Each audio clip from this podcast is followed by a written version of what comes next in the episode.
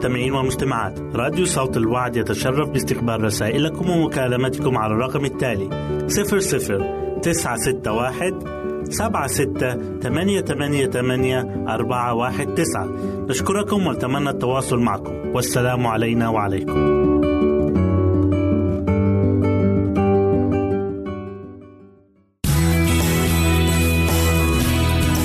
استماع وتحميل برامجنا من موقعنا على الإنترنت www.awr.org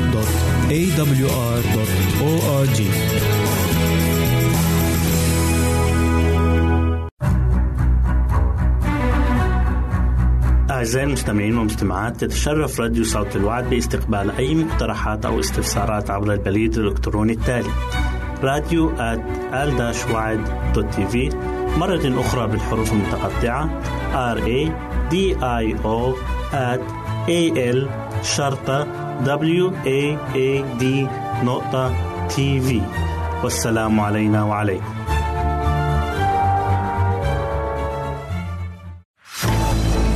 أعزائي المستمعين والمستمعات راديو صوت الوعد لا يكتفي بخدمتكم عبر الموجات الصوتية فقط بل وإنه يطرح لكم موقعا إلكترونيا يمكنكم من خلاله مشاهدة أجمل البرامج الدينية الثقافية الاجتماعية وغيرها من المواضيع الشيقة.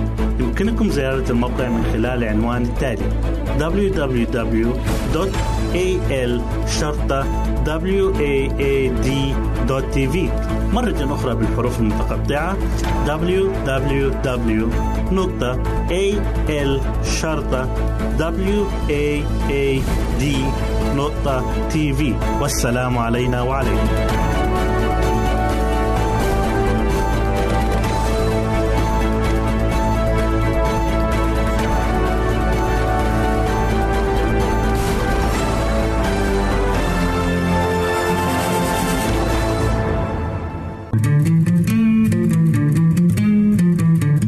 أنتم تستمعون إلى إذاعة صوت الوعي.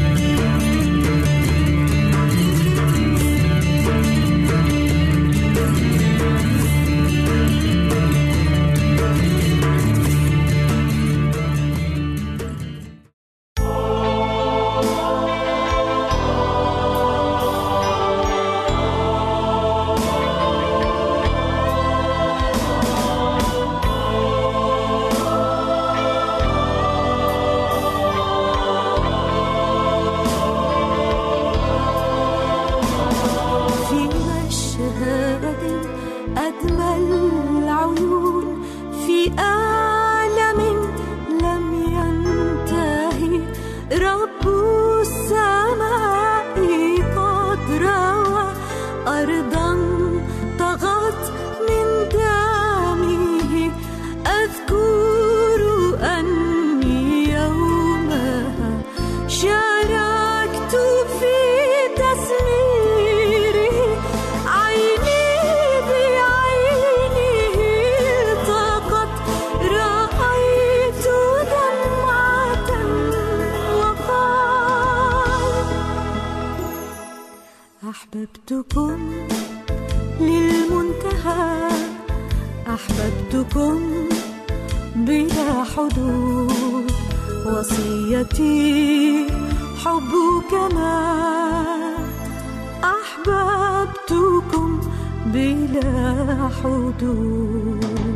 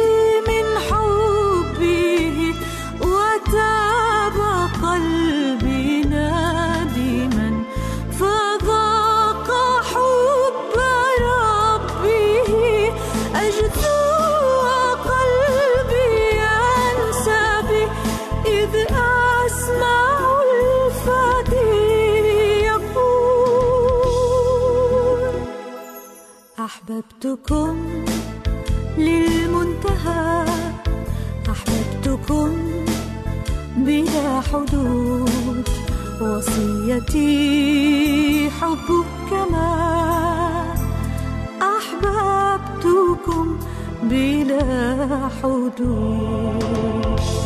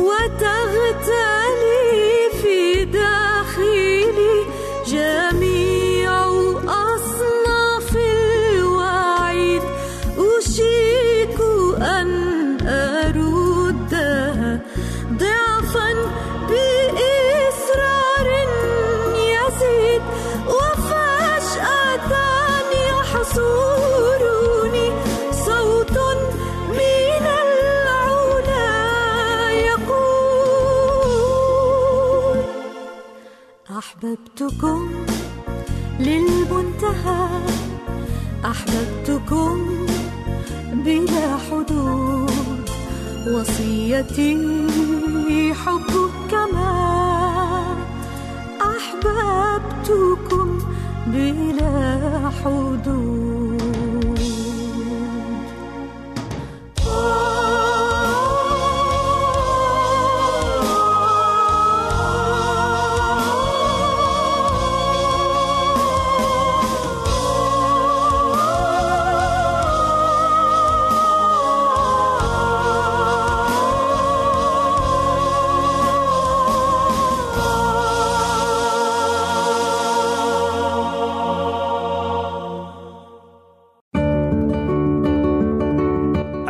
المستمعين والمستمعات راديو صوت الوعد يتشرف باستقبال رسائلكم ومكالمتكم على الرقم التالي 00 961 سبعة ستة ثمانية ثمانية ثمانية أربعة واحد تسعة. نشكركم ونتمنى التواصل معكم. والسلام علينا وعليكم.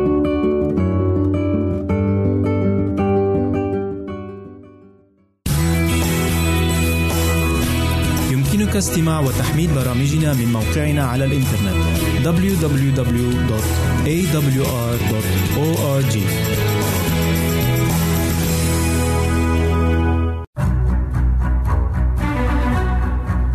أعزائي المستمعين والمستمعات تتشرف راديو صوت الوعد باستقبال أي مقترحات أو استفسارات عبر البريد الإلكتروني التالي راديو في مرة أخرى بالحروف المتقطعة R A D I O at A L شرطة W A A D نقطة تي في والسلام علينا وعليكم. أهلا وسهلا بكم مستمعينا الكرام في كل مكان. يسعدني أن أقدم لكم برنامج السراج المنير. وعنوان حلقة اليوم هو كن قدوة لا عثرة بيقول الكتاب المقدس في تيمساوس الأولى إصحاح 4 والآية 12 لا يستهين أحد بحداثتك بل كن قدوة للمؤمنين في الكلام في التصرف في المحبة في الروح في الإيمان في الطهارة. الإنسان الصالح مطالب إنه يكون قدوة للآخرين في كل شيء. ما ينفعش يكون عصر الحد وده بيعتمد على أساس عمل الروح القدس في داخل الإنسان. وكمان بنلاقي إن الرسول بولس أوصى تلميذه تيموثاوس مرة تانية في رسالة تيتوس إصحاح 2 والآية 7 بيقول مقدما نفسك في كل شيء قدوة للأعمال الحسنة. أولاد الله كلهم لازم يكونوا قدوة لجميع الناس عشان يرجع المجد لله وحده. وقال السيد المسيح في إنجيل متى إصحاح 5 والآية 16 لكي يروا أعمالكم الحسنة ويمجدوا أباكم الذي في السماوات. ويردد مع بولس الرسول في كورنثوس الثانية إصحاح 6 والآية 3 ولسنا نجعل عثرة في شيء لئلا تلام الخدمة. مرة قريت قصة بتحكي عن واحد مرسل كان تقي جدا وبيخدم في وسط بعض القبائل. والمرسل ده أو الخادم ده ما كانش ماهر قوي في الوعظ لكنه عاش حياة المسيح بطريقة مؤثرة جدا في وسط الناس دول. ولكن للأسف ما استمرتش حياته كتير بسبب المرض. وبعد وفاته جه واحد مرسل تاني عشان يواصل الخدمة في وسط الناس الأفارقة دول. ولما ابتدى الخادم التاني يوعظهم عن المسيح وعن صفاته الرائعة اندهش المرسل التاني جدا من رد فعل الناس. لما قالوا له الشخص اللي انت بتتكلم عنه ده كان عايش في وسطينا هنا لكنه مات من عدة شهور. قد إيه من روعة الخادم الراحل ظنوا الناس البسطة دول إن هو كان شخص المسيح. لأن حياة الشخص ده كانت مؤثرة جدا. هم شافوا حياته أكتر ما سمعوا الوعظه حياته كانت شهادة حية لعمل المسيح فيه. وما أحوج العالم النهاردة. لناس مؤمنين يكونوا قدوة ويكونوا نموذج الناس تشوف فيهم المسيح عشان يكونوا قدوة للآخرين مش عصرة ليهم. وعشان كده أوصى الرسول بولس الشاب تيميساوس وقال له كن قدوة. إذا كان العالم من حوالينا مش قادر يشوف المسيح ولا صفاته ولا سمو أخلاقه يقدروا يشوفوا صورة مجسدة للمسيح وصفاته في إنسان مؤمن يكون بالفعل بيعكس صفات المسيح. يكون نموذج كويس ومثال كويس لمسيحه. وعشان كده قال الرسول بولس في كورنثوس الأولى إصحاح 11 والآية واحد كونوا متمثلين بي كما أنا أيضا بالمسيح. بمعنى أن الرسول بولس عاش حياة المسيح. بالتأكيد المسيح أعظم مثال نقتدي بيه. وحياة القدوة في المقام الأول هي في مجال عملي. مش من على منبر ولا شعارات نظرية بنسمعها.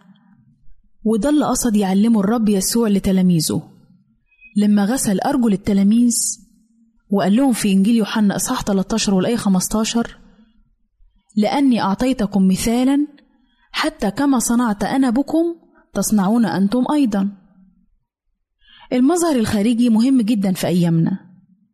وقد إيه بيكون مشين جدا لما المجتمع بتاعنا يشاور على خلاعة الفتيات بسبب اللبس اللي بيلبسوه. بنسمع تعليقات كتيرة مؤلمة ومجرحة ويقولوا الناس أصلهم كذا. عشان كده وصى الرسول بولس في تيميساوس الأولى أصحاح 2 والآية 9 وكذلك أن النساء يزين ذواتهن بلباس الحشمة مع ورع وتعقل. كمان حاجة تانية الإنسان بيضيع وقته فيها كتير. وبياخدها زي تسلية وهي الكلام. يعني ممكن الإنسان يضيع من جهده ومن ماله ومن وقته. حتى إن بعض الناس بيشتكوا إن ما عندهمش وقت يصلوا رغم إن في وقت كتير جدا بيضيع في الكلام سواء عن طريق التليفونات أو النميمة على حد أو الكلام الكتير في الموبايلات وعلى الإنترنت. وعشان كده بيوصينا سليمان الحكيم بيقول لنا في سفر الأمثال إصحاح 10 والآية 19 كثرة الكلام لا تخلو من معصية. أما الضابط شفتيه فعاقل. قد إيه في أيامنا اللي إحنا عايشينها محتاجين لقدوة أكتر من الكلام؟ محتاجين للقدوة أكتر من المظهر الخارجي. طيب هل الكلام أهم من التصرف؟ لا طبعا لأن الكلام بينبئ عن الداخل. وزي ما قال لنا الكتاب المقدس من فضلة القلب يتكلم الفم.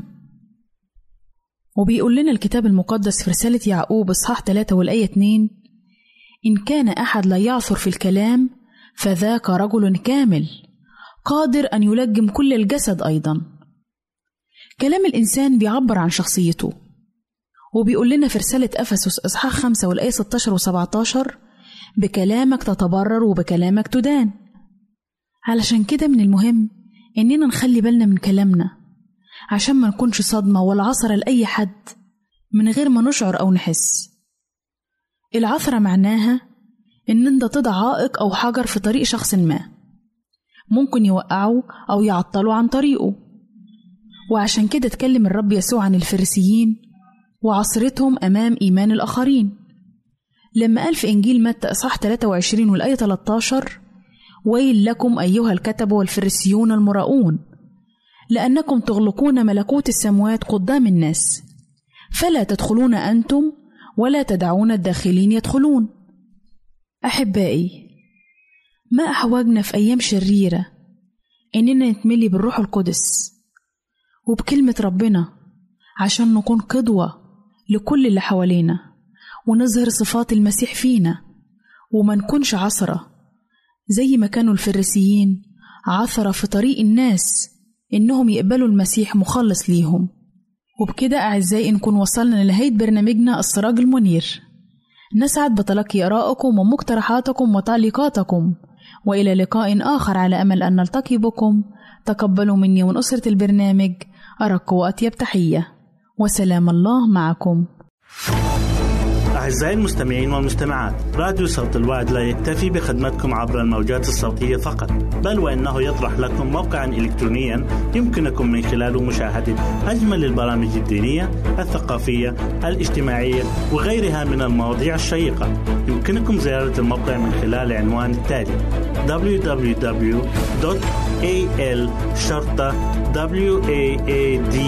www.al-waad.tv مرة أخرى بالحروف المتقطعة. Www.al-waad.tv والسلام علينا وعليكم.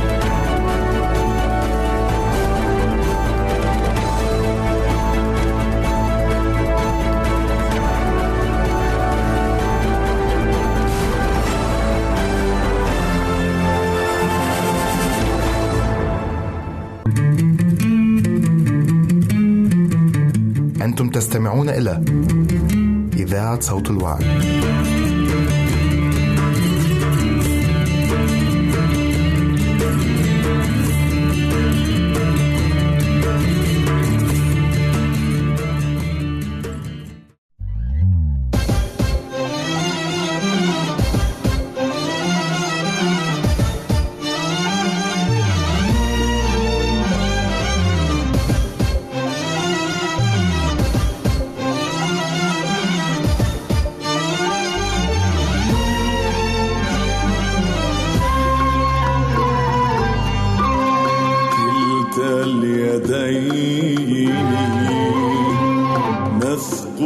مثقوبتان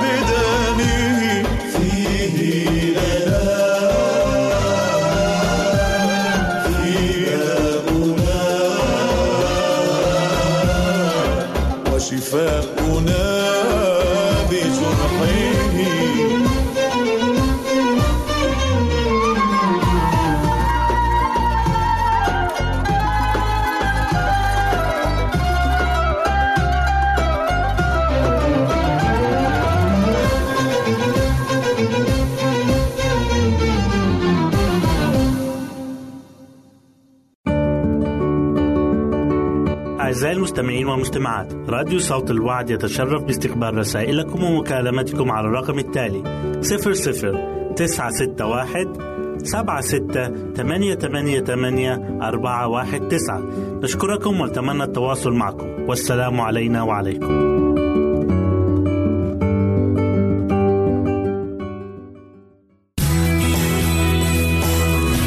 يمكنك استماع وتحميل برامجنا من موقعنا على الإنترنت. www.awr.org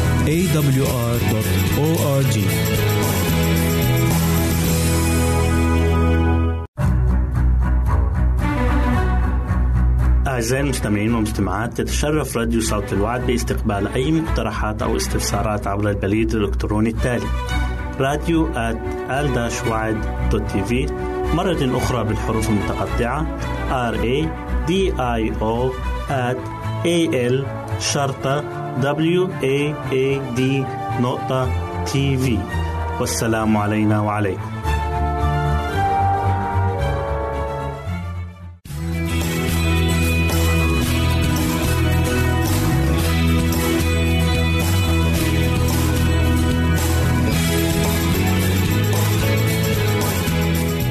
أهلا وسهلا بكم مستمعينا الكرام. أسعد الله أيامكم بالخير والبركة. يسعدني أن أقدم لكم برنامج من هنا وهناك والذي يتضمن الفقرات التالية. الكولاجين أو البروتين الليفي هل تعلم؟ الطرق الصحية لتناول الخضروات.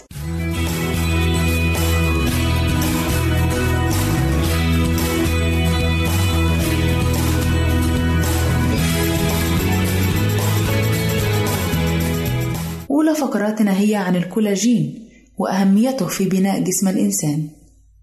ما هو الكولاجين؟ يعد الكولاجين نوعًا من أنواع البروتين الليفي ويتشكل من مجموعة من الأحماض الأمينية التي تصنع داخل الجسم. ويدخل الكولاجين في تركيب غالبية الأنسجة، وهو أكثر البروتينات وفرة بشكل طبيعي في الجسم، حيث يشكل 30% من كامل الجسم و75% من الجلد. إلا أنه مع التقدم في العمر يقل إنتاجه في الجسم مما يؤثر سلبا على قدرة الجسم على إصلاح وتجديد نفسه. فوائد الكولاجين الصحية يحسن الدورة الدموية يعزز التئام الجروح يحد من آلام والتهاب المفاصل. فوائد الكولاجين الجمالية يعزز نمو الشعر يؤخر ظهور التجاعيد يحافظ على مرونة البشرة ويعطيها المظهر الشبابي. يرقق وينعم البشرة. يعطي الشفاه والخدود مظهرا أكثر امتلاء. أسباب نقص الكولاجين. أولا العوامل البيولوجية. تتمثل في التقدم في السن أو الشيخوخة الطبيعية والتغيرات الهرمونية وضعف عمليات التمثيل الغذائي. ثانيا العوامل البيئية. تتمثل في التعرض المستمر لأشعة الشمس فوق البنفسجية والمياه المعالجة بالكلور وتلوث الجو. والعادات السيئة مثل التدخين وتناول المنبهات والكحوليات والسهر لساعات متأخرة وسوء التغذية أو اتباع أنظمة غذائية غير متوازنة. يمكن تناول المواد الغذائية والفواكه الغنية بالكولاجين والتي تعمل على إكساب الجلد النضرة واللمسة الناعمة المرغوبة. ومن بين تلك المواد الغذائية الملفوف أي الكرنب والفاصوليا الخضراء والبقوليات والحبوب الكاملة والجزر وبذور الكتان والزيتون واللحوم الحمراء.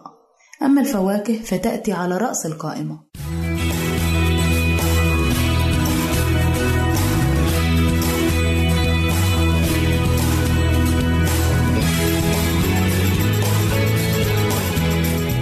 أهلا وسهلا بكم مجددا أعزائي المستمعين. إليكم فقرتنا الثانية وهي بعنوان هل تعلم؟ هل تعلم أن جسم الإنسان يحتوي على عدد كبير جدا من الخلايا ذات الأنواع والأحجام المختلفة؟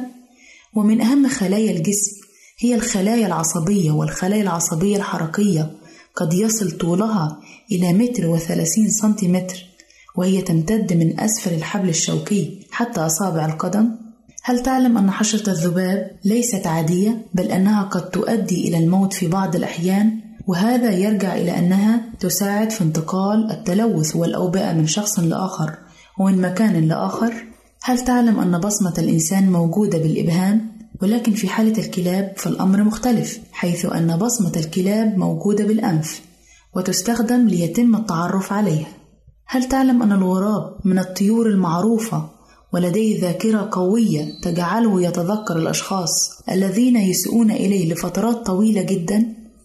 هل تعلم أن متوسط المسافة التي يمشيها الإنسان طوال حياته تعادل تقريبا خمس دورات حول الكرة الأرضية خصوصا إذا كان الإنسان نشيط ويمشي ما يعادل 7000 خطوة يوميا أو أكثر؟ هل تعلم أن عدد النجوم في السماء يعادل أضعاف عدد حبيبات الرمل على سطح الأرض؟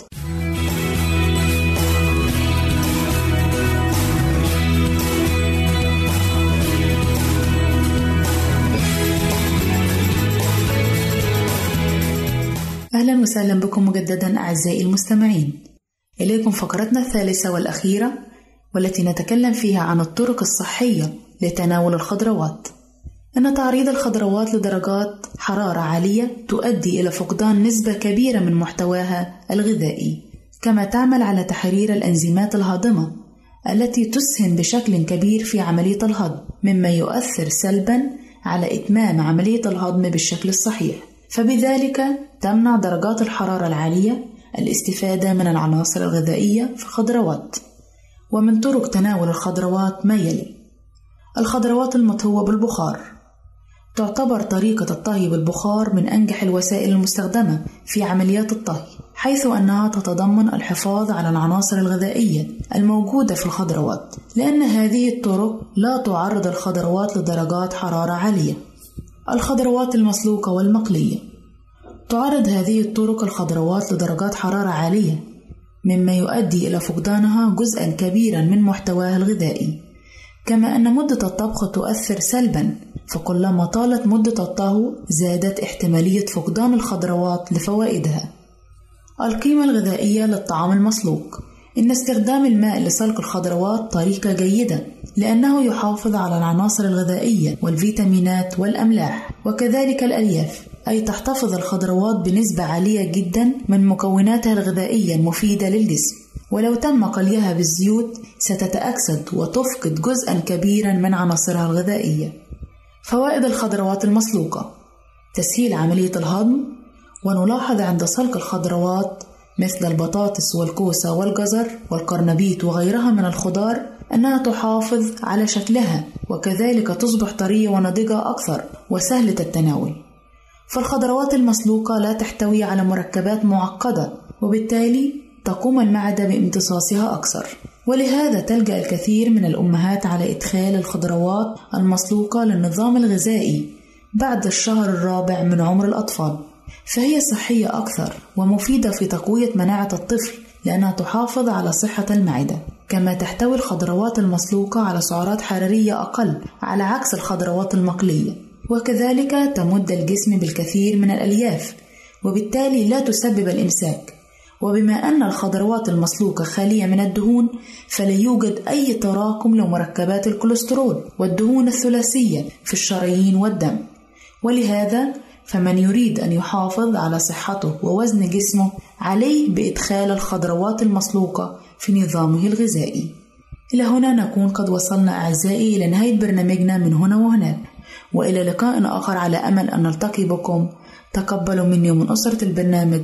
أرق وأطيب تحية. وسلام الله معكم.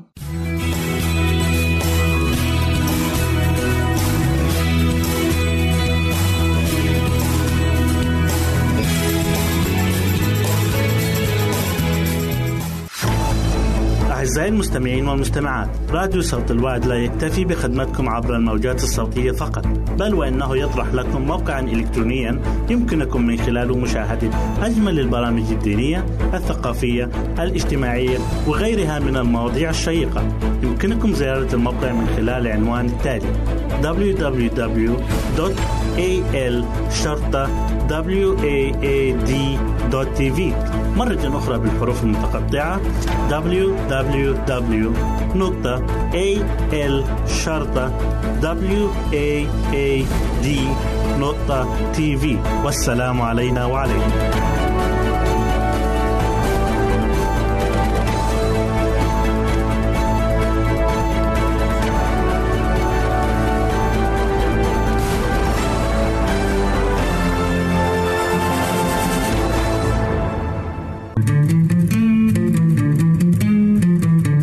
أنتم تستمعون إلى إذاعة صوت الوعد.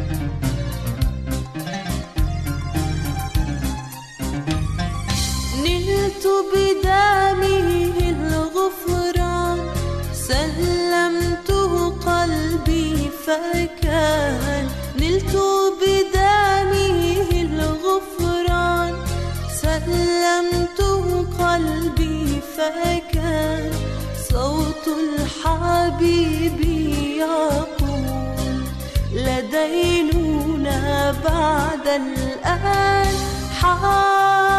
حررني يسوع حررني يسوع من عبودية إبليس حررني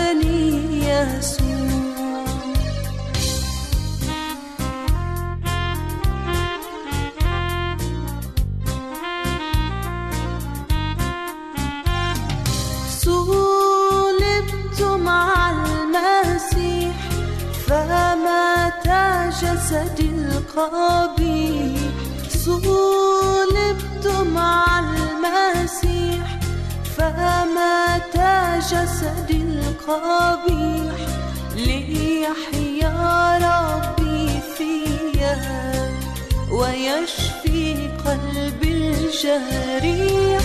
حررني يسوع حررني يسوع. من عبودية إبليس. حررني يسوع.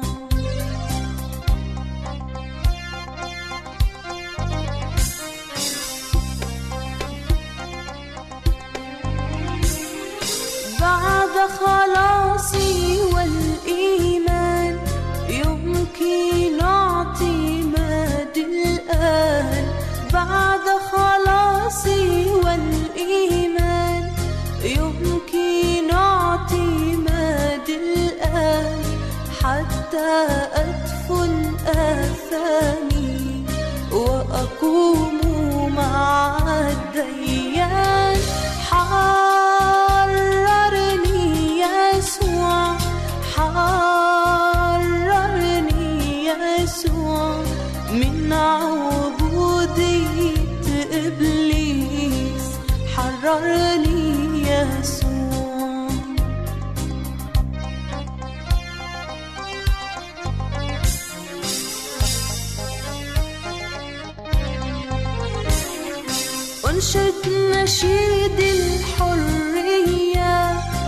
والعتق من العبودية أنشد نشيد الحرية. والعتق من العبودية حررني ربي يسوع. نلت حياة أبدية.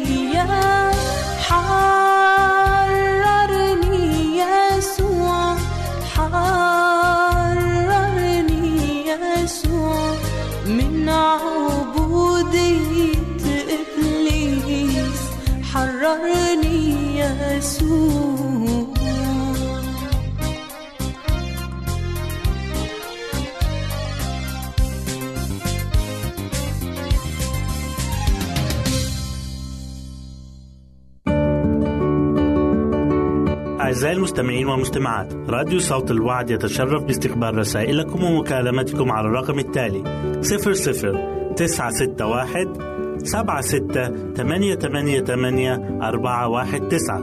نشكركم ونتمنى التواصل معكم. والسلام علينا وعليكم.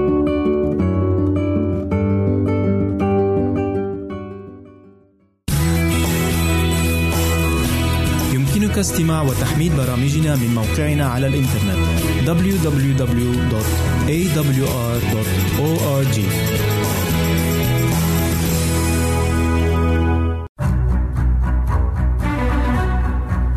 أعزائي المستمعين والمستمعات تتشرف راديو صوت الوعد باستقبال أي مقترحات أو استفسارات عبر البريد الإلكتروني التالي راديو في مرة أخرى بالحروف المتقطعة R A D I O at A L شرطة W A A D نقطة تي في والسلام علينا وعليكم مرحبا بك عزيزي المستمع في حلقة جديدة من برنامجك الأسبوعي قصة وحكاية. أصبحت السمنة أو التخمة من الأمراض السائدة والمتفشية في بعض أجزاء من العالم. أما الجوع والبؤس والشقاء فيغطي على أجزاء واسعة منه. وأصبحت رأفة الإنسان بأخيه الإنسان شبه معدومة في هذا الزمان. وكأن دولاب الزمان يرجع بنا إلى أيام سدوم وعامورة. في الكتاب المقدس يذكرنا بهذه الأوقات وعلى لسان النبي حسقيال في الإصحاح السادس عشر والآية التاسعة والأربعين بهذه الكلمات كان إثم سادوم أختك العجرفة والتخمة والرخاء وهذا ما صرفها هي وبناتها عن نصرة البائس والمسكين. فيسوع المسيح كان بين المنسحقين والبائسين. كان بين الجياع والعطاش وأعطانا مثلا لنفتدي به على هذه الأرض. فتعال معنا عزيزي لنستمع لهذه الحلقة التي تحمل عنوان القليل جدا والكثير جدا. نحن نستخدم مصطلح سوء التغذية في معظم الأحيان لوصف الظروف التي يمر بها الإنسان عندما يعاني أقل قدر من الغذاء أو العناصر الغذائية لتزويد أو لتمكين جسم الإنسان من العيش. ولكن المجاعات وقلة الطعام والفقر يملأان أجزاء واسعة من العالم. فالسعي وراء لقمة العيش وتوفير الطعام للعائلة أصبح الشغل الشاغر للوالدين وكثيرا ما نشاهد من شاشة التلفزيون تلك الوجوه والأجساد الهزيلة التي تعاني من سوء التغذية والمجاعة. تطل علينا طلبا للطعام والدواء والكثير منهم يفقدون حياتهم قبل وصول المساعدات لهم. من ناحية أخرى نجد النقيض من سوء التغذية وغالبا ما تتسم بالإفراط في تناول الغذاء أو السمنة. فالنسبة الغالبة من سكان الولايات المتحدة تتصف على أنها ذات أوزان مرتفعة أو مصابة بالسمنة المفرطة وتستهلك الكثير من الطعام نفهم مما سبق أن توزيع الغذاء على بلدان العالم لا يتم بشكل متساوي وعادل. فخلال عدة زيارات قمت بها لهايتي مع بعض منظمات الإغاثة شاهدت هناك ما لم أكن أتوقعه حيث رفوف المتاجر المخصصة لعامة الناس البسطاء فارغة أو يوجد عليها القليل من الطعام. ولكن بأسعار باهظة بحيث يصعب شراؤها. بينما المتاجر المخصصة للأثرياء مليئة بكل أصناف الطعام ولا أستطيع أن أنسى ذلك الرجل الذي وقف خارج إحدى دور رعاية الأطفال لمدة عشرة ساعات ينتظر دوره للحصول على كمية صغيرة من الحليب المجفف لطفله الحديث الولادة لقد كانت ثيابه شبه مهترئة وكانت في يده حزمة صغيرة من الأخشاب والقليل من الطحين لإعداد رغيفين أو ثلاثة من الخبز. لم أستطع التوقف عن التفكير فيما قرأته في كتاب خدمة الشفاء صفحة السابعة والأربعين حيث يقول لو كان الناس اليوم بسطاء في عاداتهم يعيشون في وئام مع قوانين الطبيعة كما كان آدم وحواء في البداية لكانت هناك وفرة من الطعام لتلبية احتياجات البشر جمعاء ولكن الأنانية والشهية المفرطة جلبت الخطيئة والبؤس فنرى أن هناك فائض عند بعض البشر بينما هناك عوز وحاجة عند كثيرين. القليل جدا والكثير جدا ليست مشكلة جديدة. والسؤال هو ما الذي يمكنك القيام به حيال ذلك؟ ففي أي جانب ستكون أنت عندما يأتي السيد المسيح؟ الجانب الأيمن أو الأيسر؟ استمع عزيزي إلى هذه الآية الموجودة في متى الإصحاح الخامس والعشرين والآيات الرابعة والثلاثين والخامسة والثلاثين. ويقول الملك للذين على يمينه تعالوا يا من باركهم أبي رثوا الملكوت الذي هيأه لكم منذ إنشاء العالم. لأني جعت فأطعمتموني وعطشت فسقيتموني وكنت غريبا فآويتموني. فماذا سيكون رد فعلك إذا كان هناك شخص ما في بلدك أو جارك أو في كنيستك يعاني من ضيقة مالية ولا يمكنه توفير الطعام لعائلته؟ هل أنت مستعد لتلبية حاجات ذلك الشخص؟ وأن يكون المسيح هو مثلك على هذه الأرض؟ أرجو أن يكون السيد المسيح دائما هو مثالنا الأول في حياتنا وأن تكون أيدينا ممدودة دائما لمساعدة الآخرين من حولنا. أطيب الأماني أرجوها لكم. كان معكم في لقاء اليوم الأخ يوسف حبيب وإلى اللقاء. أعزائي المستمعين والمستمعات راديو صوت الوعد لا يكتفي بخدمتكم عبر الموجات الصوتية فقط بل وإنه يطرح لكم موقعا إلكترونيا يمكنكم من خلاله مشاهدة أجمل البرامج الدينية الثقافية الاجتماعية وغيرها من المواضيع الشيقة. يمكنكم زيارة الموقع من خلال العنوان التالي www.al-waad.tv مرة أخرى بالحروف المتقطعة. Www.al-waad.tv والسلام علينا وعليكم.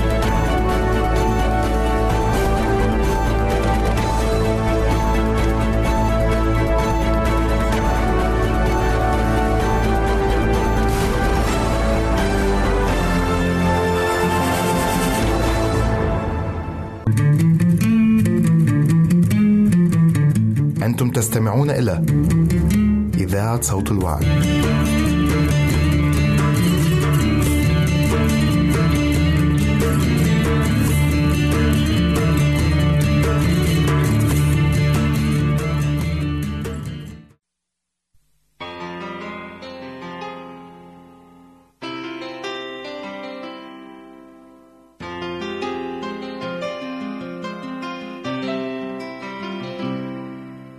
الوعد. مرة قعدت أفكر ليه يا ربي تعمل ده كله علشاني رضيت تيجي عندي في مدود حقير وتعيش فقير ده كله ليه في مرة قعدت أفكر ليه يا ربي. تعمل ده كله علشاني. رضيت تيجي عندي في مذوة حقير وتعيش فقير. ده كله ليه؟ علشان بتحبني. مشيت للصليب. كل الطريق للجلجثة.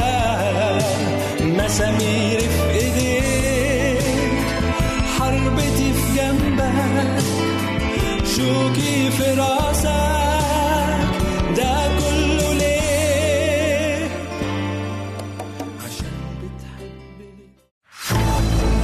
أعزائي المستمعين والمستمعات راديو صوت الوعد لا يكتفي بخدمتكم عبر الموجات الصوتية فقط بل وإنه يطرح لكم موقعا إلكترونيا يمكنكم من خلاله مشاهدة أجمل البرامج الدينية الثقافية الاجتماعية وغيرها من المواضيع الشيقة. يمكنكم زيارة الموقع من خلال العنوان التالي www.al-waad.tv مرة أخرى بالحروف المتقطعة www.al-waad.tv والسلام علينا وعليكم.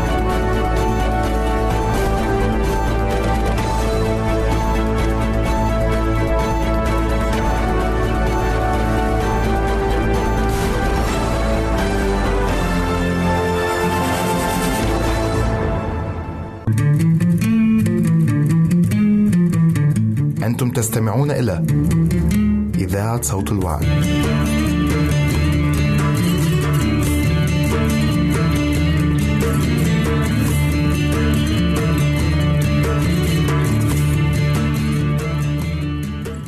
صحتك بالدني حديثنا اليوم هو عن التدخين. هذه الآفة الصحية والاجتماعية. كيف بدأت؟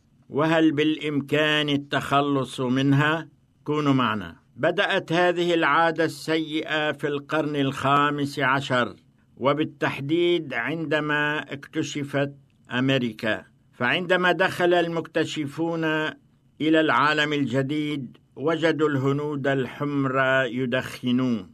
لم يكونوا يدخنون بالأسلوب الذي نعرفه اليوم بل كانوا يشعلون التبغ كالقش ويجلسون حوله في حلقات ليستنشقوه. وكان الهدف من هذه العملية في بادئ الأمر لكي يعالجوا أنفسهم من وجع في الرأس. ولما اكتشفت أمريكا في القرن الخامس عشر كان الهنود الحمر يستنشقون دخان التبغ حيث كانوا يجلسون حوله في حلقات دائرية ولم يكن القصد منه وقتئذ للاستمتاع. وهكذا نرى عادة التدخين السيئة منتشرة حول العالم فبالرغم من التحذيرات وبرامج التوعية التي تقوم بها وزارات الصحة حول العالم نجد هذه العادة منتشرة كانتشار النار في الهشيم. لاقت عادة التدخين في بداياتها انتقادات كثيرة من الدول ومن رجال الدين ومن أولئك المعارضين للتدخين. فكان السلطان سلطان مراد الرابع الذي حكم ما بين 1623 و 1640 ميلادي وهو أحد سلاطين الإمبراطورية العثمانية. حاول هذا السلطان منع التدخين بدعوى أنه يمثل تهديدا للصحة والأخلاق العامة. كما قام الإمبراطور الصيني شونجيزين بإصدار مرسوم يقضي بمنع التدخين. كما قامت سلالات ومجموعات أخرى في اليابان من القبائل المحاربة بمحاربة التدخين واعتباره جريمة أكثر شناعة من التخلف عن الواجب العسكري. كما تعرضت بعض مزارع التبغ في اليابان إلى النقد والازدراء معتبرين أن هذه العادة هي تهديدا للاقتصاد العسكري. أما ماكينة لف السجاير فقد اخترعها رجل يدعى بونساك تحت رقم 238640 كما عارض رجال الدين عادة التدخين حيث اعتبروا أن عادة التدخين هي عادة غير أخلاقية وهي عمل من أعمال الكفر الصريح. ففي عام 1634 قام بطرك روسيا بحظر بيع التبغ وأمر بشق أنف المدخن وبجلد ظهره حتى يسلخ عنها الجلد. كما أقام باب الكنيسة الغربية إربان السابع بإدانة التدخين في بيان رسمي. في العام 1950 ميلادي. كما قام الملك جيمس الأول الإنجليزي بتأليف كتاب عن التدخين وعن أضراره تحت عنوان أضرار التبغ. كما فرض ضرائب عالية على تجار التبغ قدرت بكميات هائلة. كان ذلك في العام 1604 ومع ذلك فقد باءت هذه التجربة بالفشل وكان في لندن وحدها سبعة آلاف بائع تبغ. أخي المستمع أختي المستمعة فقد تعرفت معظم حضارات العالم على التدخين في منتصف القرن السابع عشر واعتبر التدخين في كثير من الحالات جزءا من الثقافة المحلية على الرغم من محاولة الكثير من الحكام فرض عقوبات قاسية عليه. فدخلت تجارة التبغ إلى الأسواق العالمية ووصلت إلى البلاد النائية. وقد شهد التبغ نموا مستقرا حتى نشوب الحرب الأهلية الأمريكية حيث تحول الأمر إلى تصنيع السجائر وتعليبها سنة 1881 وهكذا فقد تحول محصول التبغ إلى محصول نقدي سنة 1612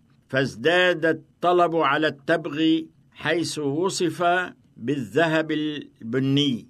وهكذا تمت زراعة التبغ بشكل مكثف ومتعاقب وفي 1560 قدم رجل فرنسي التدخين إلى فرنسا وكان هذا الرجل يدعى جون نيكوت الذي منه تشتق كلمة نيكوتين.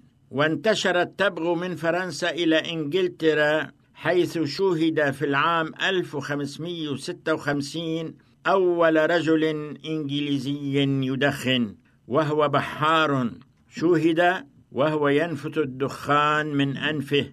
كان الدخان في بادئ الأمر يستعمل كشكل من أشكال الدواء. ولما انتشر التدخين بصورة هائلة في المجتمع بدأ يتعرض للنقد من قبل الدول ورجال الدين.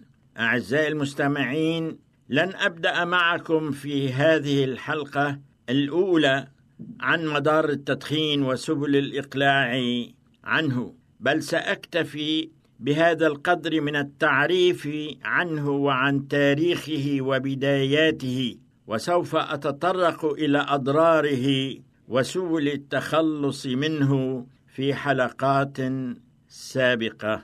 لذلك أقول لك أخي المستمع أختي المستمعة لا تجربوا هذه العادة القبيحة لأن المسألة تبدأ بكلمة جربها لن تؤذيك. كن رجلا. وهكذا تدخل العادة إلى حياتنا ضيفة فتصبح سيدة ثم ملكة. كان معكم شحاد حلبي. أنتم تستمعون إلى إذاعة صوت الوعد.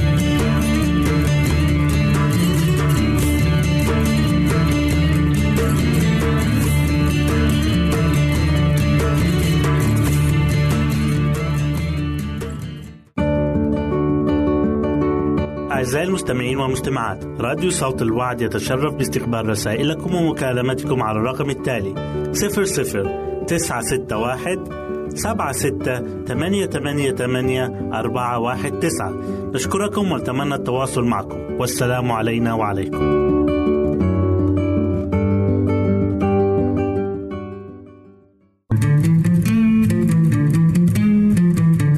أنتم تستمعون إلى إذاعة صوت الوعد.